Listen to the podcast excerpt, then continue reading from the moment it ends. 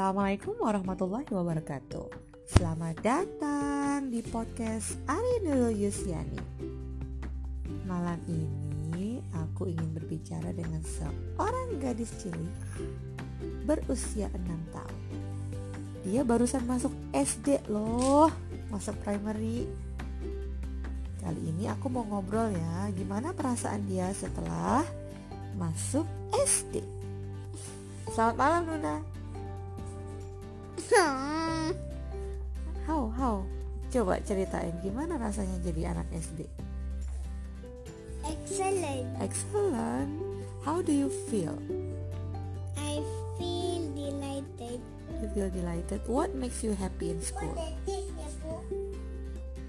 Because I can learn a lot. okay.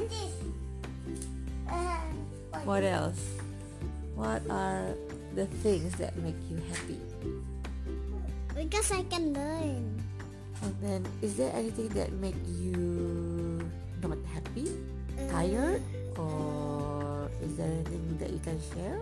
I know. What is that? Always learn.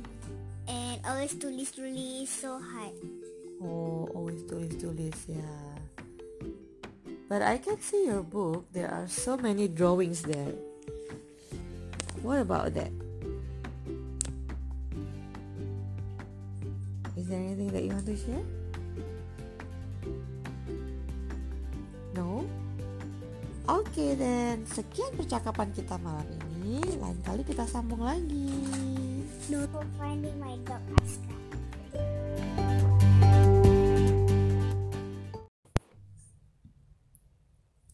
Assalamualaikum warahmatullahi wabarakatuh. Hi everyone, my name is Arita Mahira Kinanti Agung from Primary 2 Dimash. Today, I'm going to share with you about the beauty of salam in Islam. As a Muslim, salam is a special way for us to greet others. Saying salam is also a simply way to pray and a beautiful way to connect to each other. Salam is a blessing that Allah sent down for us, so we should use it to get rewards from Allah subhanahu wa ta'ala. It is also a source of removing arrogance. Saying salam is a means of entering Jannah too. Prophet Muhammad sallallahu alaihi wasallam mentioned you will not enter paradise until you believe, and you will not believe until you love one another. Spread salam among you. Narrated by Muslim. So, what is the meaning of salam? Salam means peace.